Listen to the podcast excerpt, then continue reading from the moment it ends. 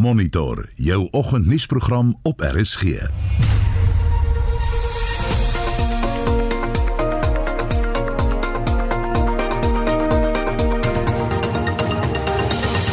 In die program vanoggend Limpopo boere betoog in Polokwane op die trappe van die Landdroshof teen plaasaanvalle. Spesifiek oor die aanval wat plaasgevind het nou die afgelope week in die Dendron gebied waar die Jouberg gesin aangeval is. Mense ons is moeg vir moord, roof, verkrachting in Suid-Afrika. 'n Kenner praat oor hoekom so baie Suid-Afrikaners hulle aan drank vergryp. We have a lot of lifestyle marketing where alcohol is linked to financial and social success and sometimes even patriotism. And I don't think that necessarily helps the situation. You know, you've got adverts saying that to be successful, you should be drinking this kind of whiskey. And if you, if you can't afford it, then you're not successful enough. En die voormalige direkteur-generaal van die Tesourie sê dis 'n genade dat die destydse minister van Finansies, Des van Rooyen, net 'n naweek in die amp gedien het. Goeiemôre, ek is Gustaf Vreiling. En my naam is Anita Visser. Baie welkom by Monitor.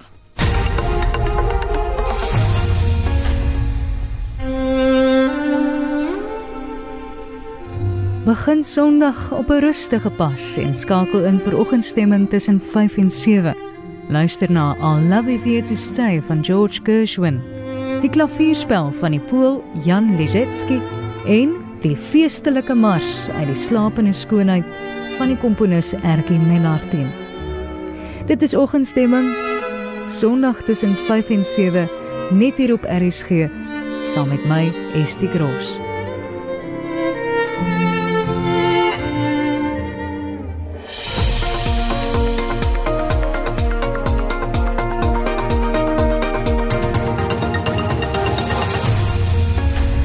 Nou 12 minute oor 6 en is ingeskakel by Monitor op RSG. 'n Oorsig van die koerant voorblaaie vir Woensdag die 12de Augustus, die burger vanoggend, wit kapitaal die sondaar sê Des. Van Rooyen erken aan Zondo Hy was by die Gupta woning en dis al die besonderhede van Des van Rooyen se getuienis gister oor sy rampspoedige paar dae as minister van finansies in Desember 2015. Hy sê die regter en sy kommissie moet wit kapitaal ondersoek want dis wat staatskaping eintlik is. En 'n berig wat sê gemeenskap hoop op 'n wonderwerk. Die 9-jarige Leo Williams is deur 'n koel in die kop getref en eh, St Helena Bay se mense hoop op 'n wonderwerk waar hy in die Rooikruis Kinderhospitaal behandel word. Beeld se opskrif vandag hamer aanval eis SA arts in Kanada. Hy vlug van misdaad in sy eie land en toe gebeur die ergste met die 44-jarige dokter Walter Reynolds in Kanada. 'n Verslaafde het hom glo getakel oor pille, maar Tokkie sê hulle het geweier om dit vir hom te gee. En dan ook 'n berig wat sê Andre de Ruyter van Eskom waarsku oor onverwagte beurtkrag. Volksblad se digitale voorblad Grey Hoof verhoor na raad se klagte en is die twis tussen die skoolhoof Dion Skeepers en eh, sy beheerliggaam wat weer kan opvlam in die hof En dan ook 'n gedenkdiens daar met 'n foto vir die Bloemfontein se radiopersoonlikheid Abri de Vos wat een van die stad se bekendes is wat aan COVID-19 gesterf het. Daar moes 'n unieke begrafnisdiens vir hom gehou word. Business Day vandag Andre de Ruyter gaan die opdeel van Eskom in 3 eenhede bespoedig en hy sê hy gaan binnekort 'n plan van aksie aan die die, die direksie voorlê die raad en die JSE wis sy verliese van 2020 uit maar plaaslike vooruitsigte bly kommerwekkend. En dan het vinnig internasionaal op bbc.com Joe Biden kies Kamala Harris om saam met hom aan November se verkiesing deel te neem en dis sy voormalige teenstander wat hom nou ondersteun en saam met hom gaan probeer om Donald Trump te ontsetel. En dis vinnige oorsig oor vanoggend se nuus. En ons praat 'n bietjie later vanoggend oor toerisme oor provinsiale grense heen. Dit word nog verbied, maar daar is stemme wat nou opgaan wat graag die soort reis weer gewettig wil hê. Aan die ander kant is daar lande wat nou met internasionale toerisme eksperimenteer, maar dit word 'n tamaletjie met drakoniese aandklokreëls, kwarantyne en so meer. Nou ons wil vanoggend by jou weet, hoe gretig is jy om weer te reis? Het sy binne ons land of daar buite? En is jy bereid om dit onder baie streng inperkings te doen? Stuur vir ons 'n SMS na 45889. Dit kos R1.50 of deel jou mening op Facebook by facebook.com vorentoe skynstreep ZRC of WhatsApp vir ons stemnota na 076 536 6961 076 536 6961 Dis nou kwart oor 6 en die voormalige minister van Finansies Des van Rooyen het bevestig dat hy sy destydse spesiale adviseur Mohammed Bobat aangestel het sonder om sy kwalifikasies na te gaan. Van Rooyen het Dinsdag by die kommissie van ondersoek na staatskaping getuig en Bobat getuig en Bobat was een van die raadgewers wat saam met Van Rooyen gekom het na sy kort aanstelling as minister van Finansies in 2015. Tydens sy getuienis verlede jaar het die voormalige direkteur-generaal van die Tesorie, Lungile Fusile, aan die kommissie gesê dat hy deur die senior ANC lid Enoch Godongwana ingelig is dat hy 'n sogenaamde Gupta minister sal kry wat saam met Indiese adviseurs kom. Die ander adviseur was die adjunksekretaris-generaal van die ANC, Jesse Duarte, se skoonseun, Ian Whitley. Die voormalige kabinetsminister, Des van Rooyen, het aan die kommissie se getuienisleier, advokaat Garth Halley, gesê hy het geen rede gehad om oor Mohammed Boubert se kwalifikasies te twyfel nie selfs sonder om sy CV te sien. And in fact, other than the business card which you got in 2009, you've never seen his CV ever. Is that correct? Yes, I've never seen his CV, but I know his profile. When you say you know his profile, what exactly are you referring to? I'm referring to uh, knowing his qualifications uh, because he communicated those to me, and uh, through my engagement with him, I was able to verify that he's a qualified person. And I had no reason not to believe him when he told me of his qualifications. Van Rooyen het ook een Whitley as sy stafhoof aangestel. Dit was na hom net een keer ontmoet het. Volgens van Rooyen het 'n ene Mabaso hom aan Whitley voorgestel terwyl hy by 'n ontbytvergadering by Melrose Arch was. And I said, uh, let me have an engagement with that gentleman first because I don't know him. So he then allowed Mr. Whitley then to meet with me. Then I, I proceeded with Mr. Whitley. And in that meeting, Mr. Whitley presented uh, his CV to me. And then I indicated to him that uh, I'm very much impressed of his CV because by then I was looking for someone who can come in and searching for staff. Hy het aan die kommissie gesê hy het verskeie kere met die Gupta familie by die huis in Saxonwold vergader. Maar hy hou vol dit was in sy hoedanigheid as tesourier-generaal van die MK Militêre Veterane Organisasie. If my memory serves me well, because uh, there are cases where I meet uh, Rajesh or Tony Gupta at the residence. There are cases where I met them in as companies in their meetings in, the, in their offices in Santen. The meetings didn't only take place. Uh, some of the meetings that I remember didn't only take place at their residence. Daar was vroeër 'n ewige woordetwis tussen die voormalige tesourier-generaal, Lungisa Fusile, en van Rooyen se regsverteenwoordiger, advokaat Gomoswane Matipa. Fusile is deur advokaat Matipa kruisondervra na hulle suksesvol aangevoer het dat die voormalige minister Fusile kon ondervra voordat hy sy getuienis lewer. Advokaat Matipa het aangevoer dat Fusile die kommissie mislei het toe hy verlede jaar getuig het dat van Rooyen geweier het om 'n verklaring na sy aanstelling af te lê. Your suggestion for a statement was simply rejected outright and you were told never not to issue statements anymore. I am puzzled by the fact that you think that what matters is the issuance of a statement, not its content. Sure, the statement was issued. Yes. How do you think that I would deny that uh, Mr. Van Rooyen issued a statement when, in fact, he stood in front of the media no. and issued it? Uh, You don't But understand I'm the question. saying the Mr. contents of it had nothing to do with me. Yes, but I'm saying that you agreed with the content. That's what you're not telling the, the commission the truth.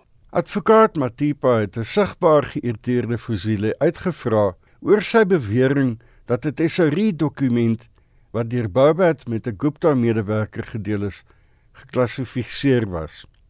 Fact that at the time it may not have been stamped top secret is neither here nor there. But do you agree that the document was not classified? Yes. Okay.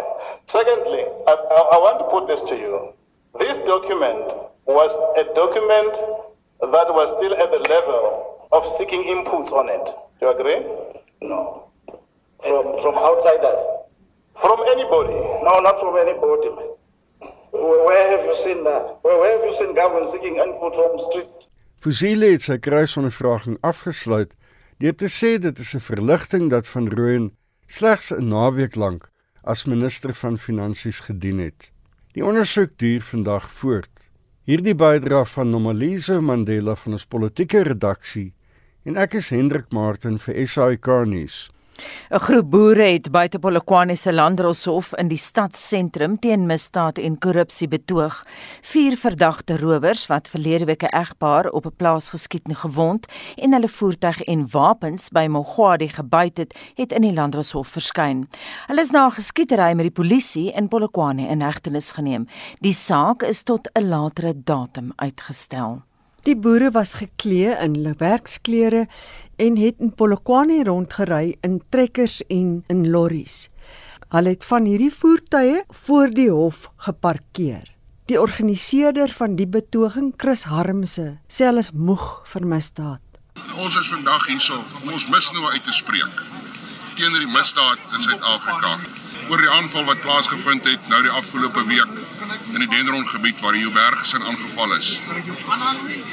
Mense ons is moeg vir moord, roof, verkrachting in Suid-Afrika. En dit is ons hoofdoel hierso. En ons doen 'n beroep op die regering ook om dit te stop. Om ons te help en ons pogings om misdaad te stop. Ons is moeg daarvoor. Intussen het die provinsiale leier van die Vryheidsfront Plus, Marcel Marits, wat die boere ondersteun het, gesê moorde op plase moet stop omdat dit voedselsekerheid bedreig. Lede van die publiek by die hof het die boere se saak teen misdaad ondersteun. Die verdagte staan tereg op aanklagte van poging tot moord, gewapende roof en diefstal van onder meer voertuie. Die saak is tot 14 Augustus uitgestel vir aansoeke om borgtog by die Maribeng Landdroshof. Die verdagtes bly in polisieaanhouding. Rudzani Tivasi het hierdie verslag saamgestel.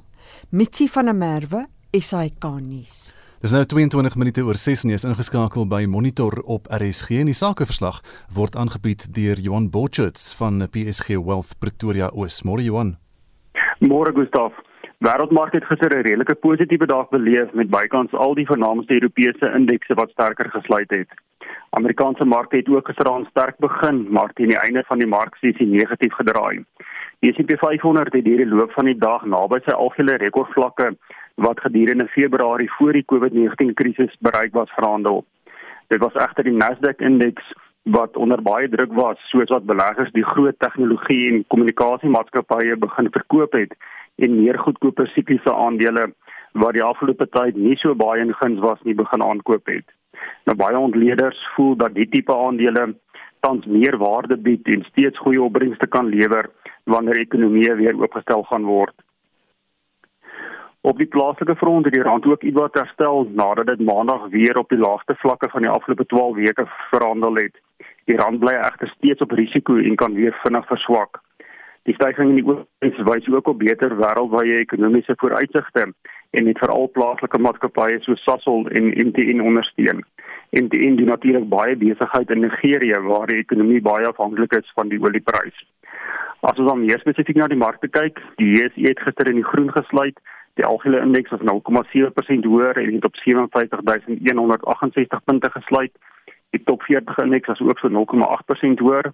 Finansiële aandele was gister baie sterk geweest met die indeks wat 2,5% hoër gesluit het. Van die uitblinkers die dag was Pepkor wat 11,3% hoër was, Old Mutual 6,8% hoër en dan ook Discovery 5,8% hoër.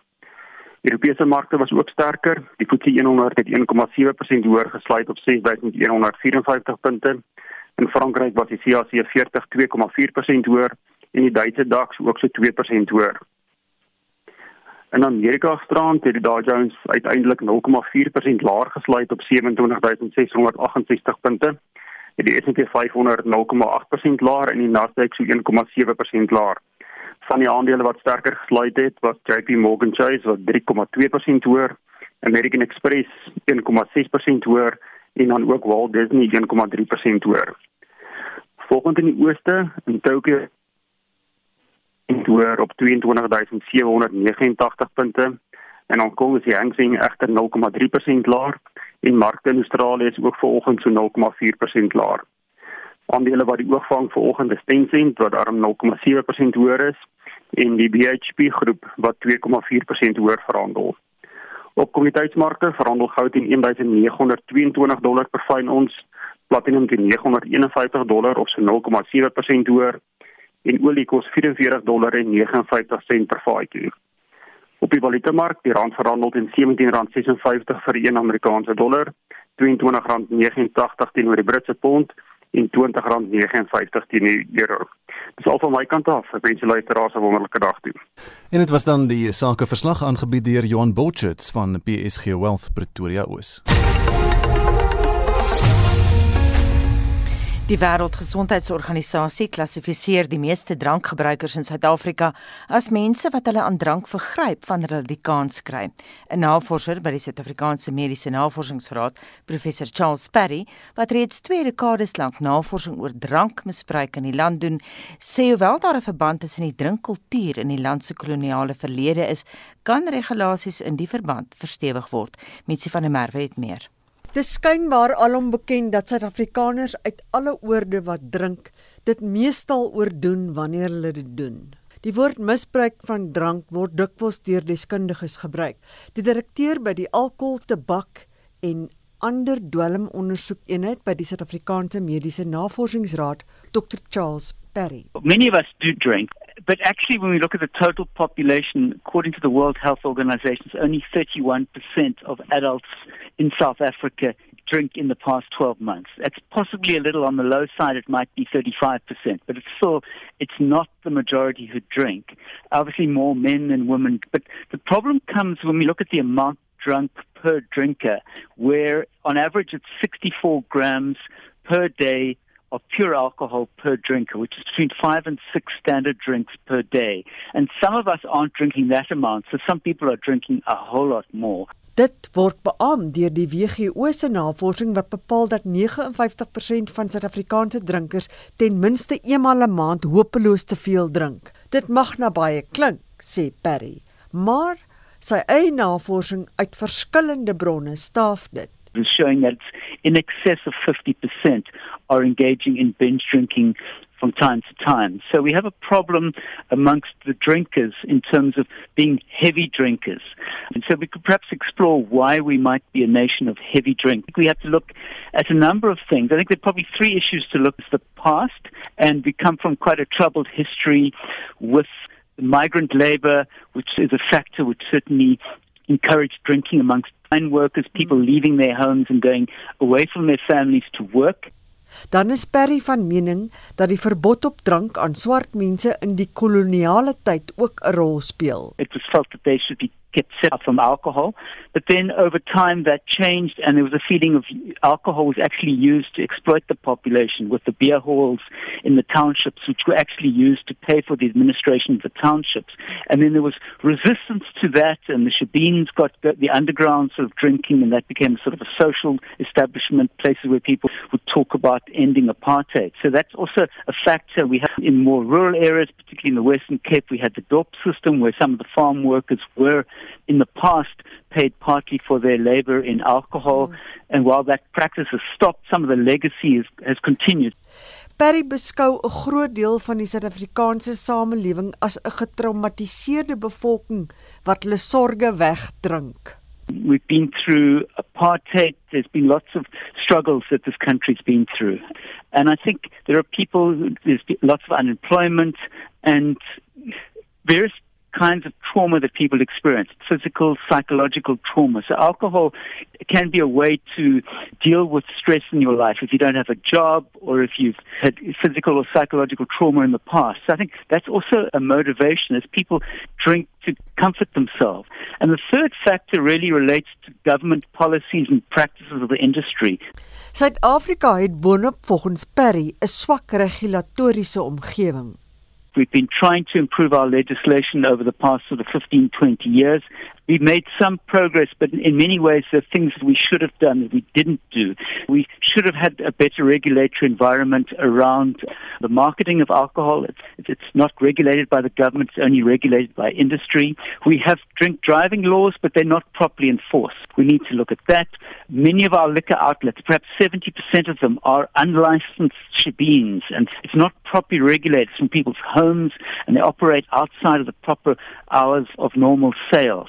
Dit is ook die gebruike in die bedryf wat die gevyf onder drinkers aanhelp. We have a lot of lifestyle marketing where alcohol is linked to financial and social success and sometimes even patriotism. And I don't think that necessarily helps the situation. You know, you've got adverts saying that to be successful, you should be drinking this kind of whiskey. And if you, if you can't afford it, then you're not successful enough. So I think we should be questioning those kind of practices. We also have an industry which is trying to make alcohol very affordable, very cheap. So we have the beer industry, for example, promoting one liter bottles of beer. Perry se navorsing verbind die hoë vlak van drankgebruik tot groter verpakkingsvolumes van drank. Whether that's a larger glass of wine or a bigger bottle of beer or a bigger bag of wine, that's linked to heavy drinking. So I think the industry hasn't helped there either, and the regulatory practices, and then some of those historical factors and sort of psychological issues that people have all contribute together to the situation where we're one of only a few countries that has had to impose, in fact, a temporary ban on liquor sales during the coronavirus uh, epidemic. Dr Charles Perry is die direkteur van alkohol, tabak en ander dwelms ondersoekeenheid by die Suid-Afrikaanse Mediese Navorsingsraad. Mitsi van der Merwe, SAK nuus. En ons bly by die onderwerp van Suid-Afrikaners se voorliefde om dit heeltemal met die drank te oordoen. Hier is 'n bietjie gepaste musiek. Dit is Caro Emerald se Liquid Lunch.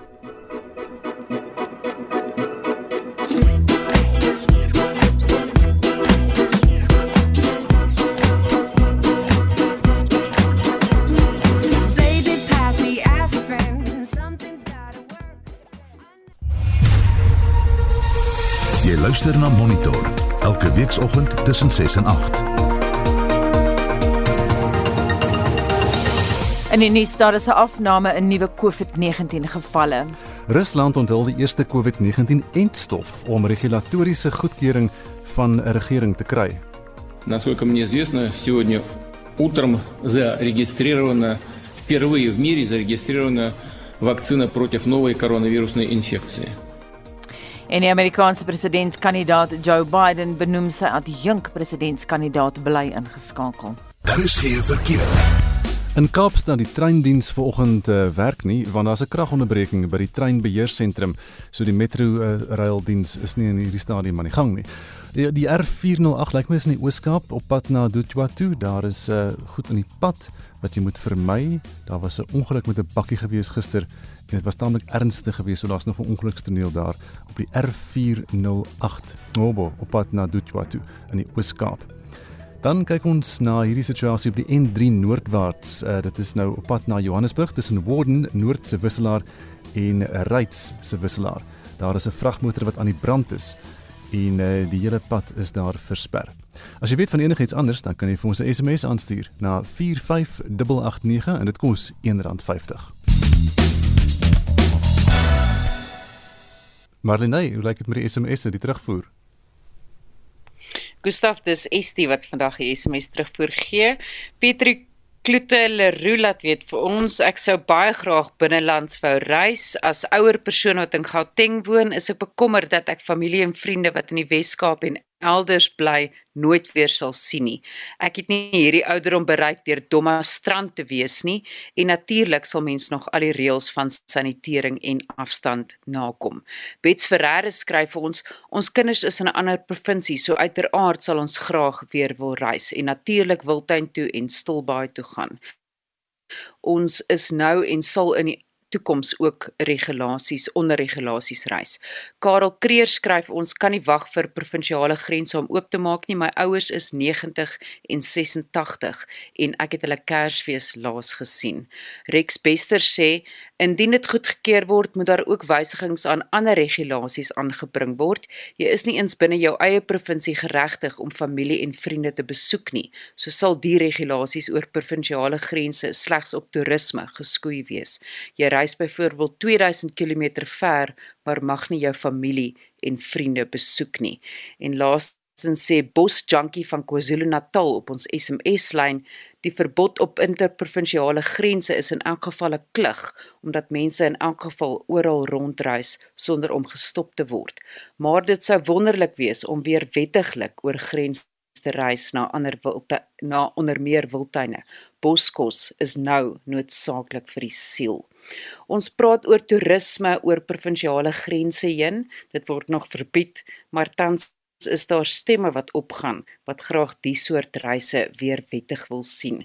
Hoe gretig is jy om weer te reis binnelands en buitelands en is jy bereid om dit onder streng inperkings te doen? Stuur vir ons 'n SMS na 45889 teen R1.50 per SMS. Deel jou mening op ons Facebookblad by facebook.com vorentoe skynstreep ZARSG of WhatsApp vir ons stemnota na 076 536 6961.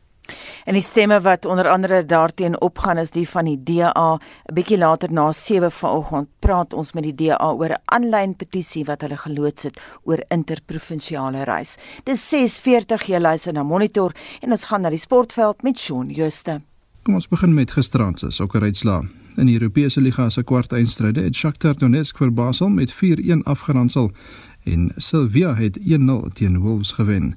Hulle sluit nou by Inter Milan en Manchester United in die halfeindstryde aan. Die 2019-20 PSL seisoen is gisterand in Gauteng voortgesit. Die kragmeting in Pretoria tussen Mamelodi Sundowns en Orlando Pirates kon egter geen doele oplewer nie. Kaizer Chiefs kom vanaand 6uur by die ENB stadion teen Wits te staan. En die Kampioenligga se kwartfinale begin vanaand in Lissabon in Portugal. Atalanta met 9 uur teen Paris Saint-Germain kragte. Fietsry. Die kriterium du Dauphin begin vandag in Frankryk en word oor 5 skofte en 821 km beslis. Heelwat groot name soos Primož Roglič en Tadej Pogačar van Slovenië, die Spanjaard Alejandro Valverde, Egan Bernal van Kolumbie, die Brit Geraint Thomas en Peter Sagan van Slowakye is vir die volgende 5 dae in aksie. Vandag se eerste skof is net so oor die 218 km lank. En dan word die Grand Piemonte eendagpadrasies vandag in Italië 187 km gejaag. Van die deelnemers is die Italianer Vincenzo Nibali, Jacob Fuglsang van Denemarke en Matthew van der Poel van Nederland. Rugby. Die Sharks-kaptein en Springbok senter Lucanio Am het sy kontrak met die Unie gister nou tot 2022 verleng. Am het reeds 15 toetse agter die rug in die boktry. Die Bulls direkteur van rugby Jake White het die Springbok agste man Dwayne Vermeulen gister as kaptein aangekondig. Die 34-jarige Vermeulen word deur Arne Botha en Gio Eplon ondersteun. En die Suid-Afrikaansgebore loskopsit Piers Kuman sal sy debuut vir Skotland nou in middel 2021 kan maak nadat wêreldrugby die 5 jaar verblyfsreël na 31 Desember 2021 uitgestel het. Skuman het die Bulls in middel 2018 verlaat om by Edinburgh aan te sluit. Rugby Australië gee Nieu-Seeland 3 weke om hulle vereisters te aanvaar vir 'n nuwe Super Rugby toernooi tussen die twee lande of hulle stig hulle eie kompetisie. Nieu-Seeland beplan 'n Super Rugby reeks met hulle vyf franchises, maar net plek vir 2 tot 4 Australiese spanne, terwyl die Aussies wil hê al vyf hulle franchises moet ingesluit word. En laastens in tennisnuus, by die vroue toernooi in Lexington in Amerika, die voormalige wêreldnommer 1 Serena Williams van Amerika, haar landsgenoot Bernarda Pera met 4-6, 6-4 en 6-1 uitgeskakel. En die wêreldnommer 2 Simona Halep van Roemenië het Belona Hercog van Slovenië in Praag met 6-1, 1-6 en 7-6 geklop. Shaun Schuster SAK Sport. Dis 17 minute voor 7 jy's by Monitor op RSG.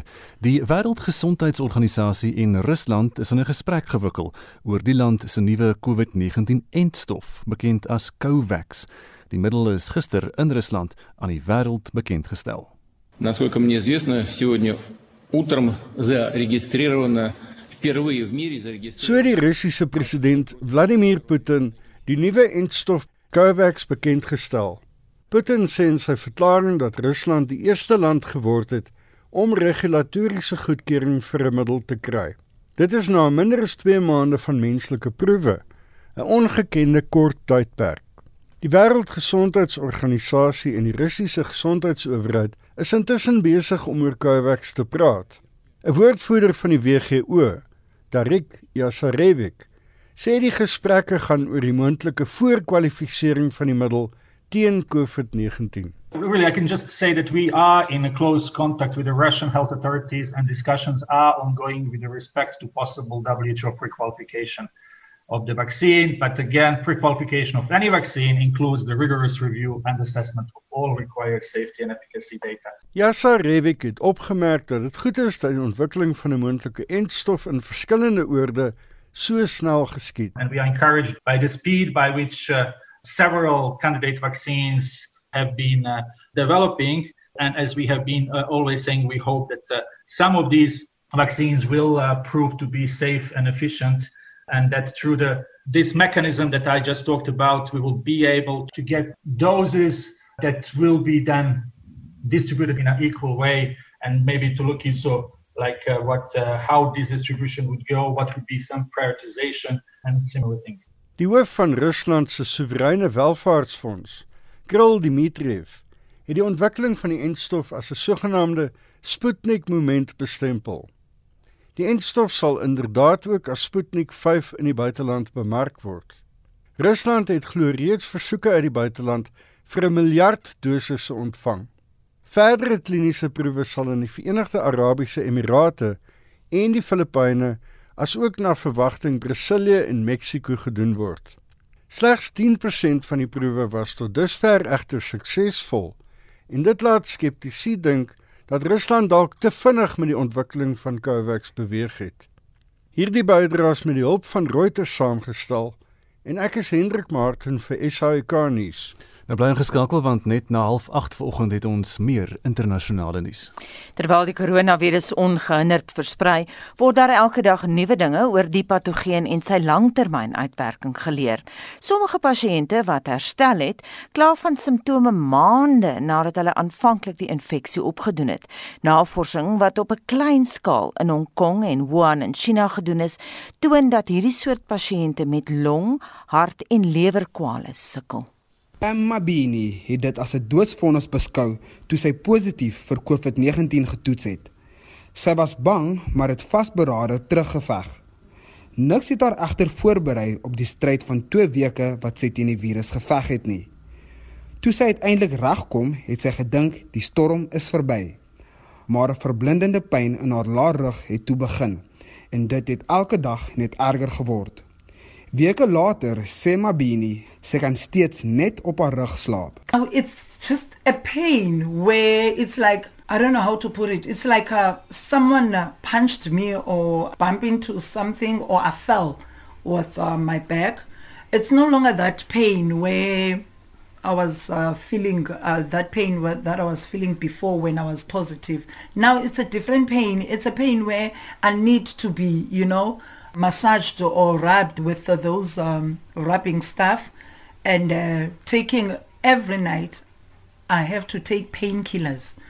I don't think I'm able to sleep without painkillers if the pain starts. Verander is daar sielkundige letsels. Die 31-jarige Fezi Lepapu sê die lewe na COVID-19 is ongemaklik. The one thing that actually is the anxiety and heart palpitations and where I could, out of the blue, basically, I could just feel that I'm just very anxious. And then I remember a day I went back to work, and then I started wearing a mask, and a mask that we actually wear at work, a, very, a cloth. So what happened was when I first wore it, I could then feel that my heart was beating very fast. And then um, panic attacks also happened. Die simptome verskil van persoon tot persoon. Elke pasiënt skryf eintlik sy eie storie oor die invloed van die virus. Die 52-jarige Natalie Roth sê lewe na COVID-19 is uitdagend, maar nie so ingewikkeld soos toe sy die siekte gehad het nie. I still have a bit of earache and a bit of sinusitis and it comes and goes, but other than that I'm a lot better. Psychologically, I think I'm pretty strong from my my past experiences. But I know it can have a great toll on people in an emotional and psychological way. Die nuwe koronavirus is nog te nuut om van die langtermyn uitwerking te weet. Terugvoer van dokters en verpleegsters saam met 'n bietjie navorsing wys dat baie mense nie heeltemal na normaal terugkeer nie. Die sielkundige Dr Kempie van Rooyen sê die fisiese komplikasies na COVID-19 kan aan emosionele en sielkundige letsels gekoppel word.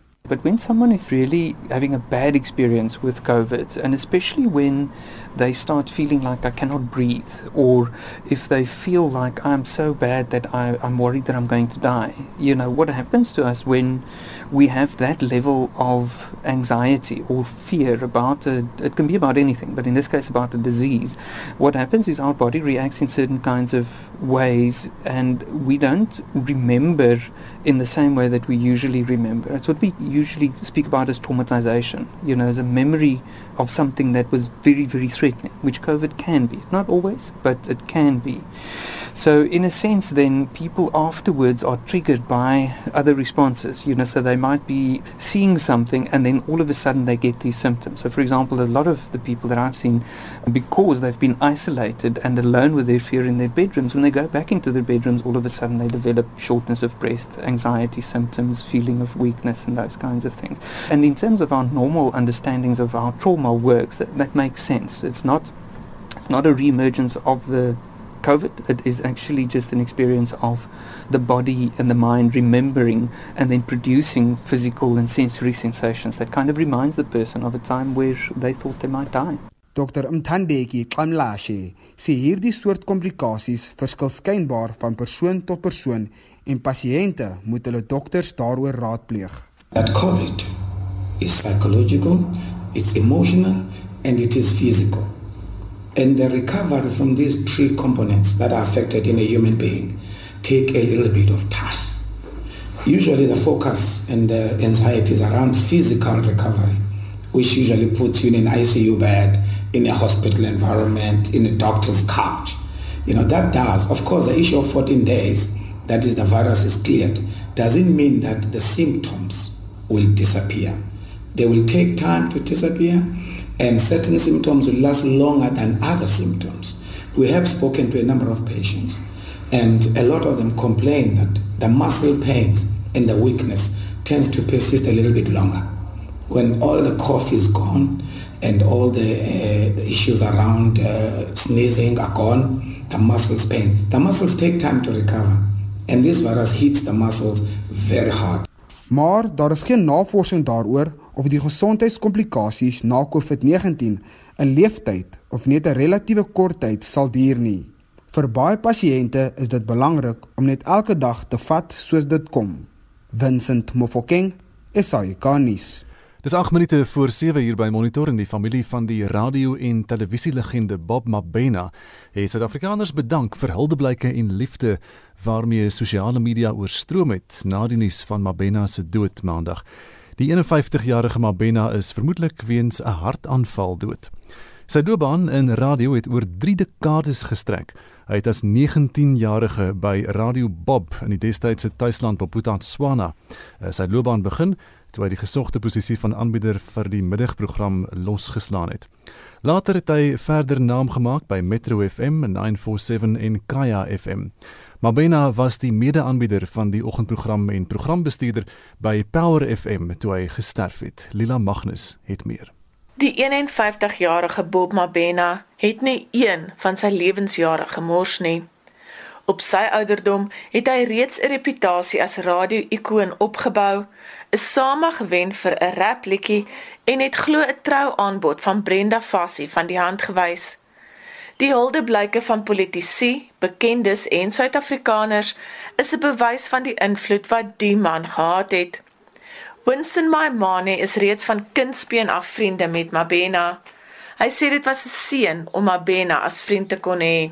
I don't know how one can ever put it into words when you are so blessed enough to to have a genuine relationship with somebody that you know that loves you and you love him back.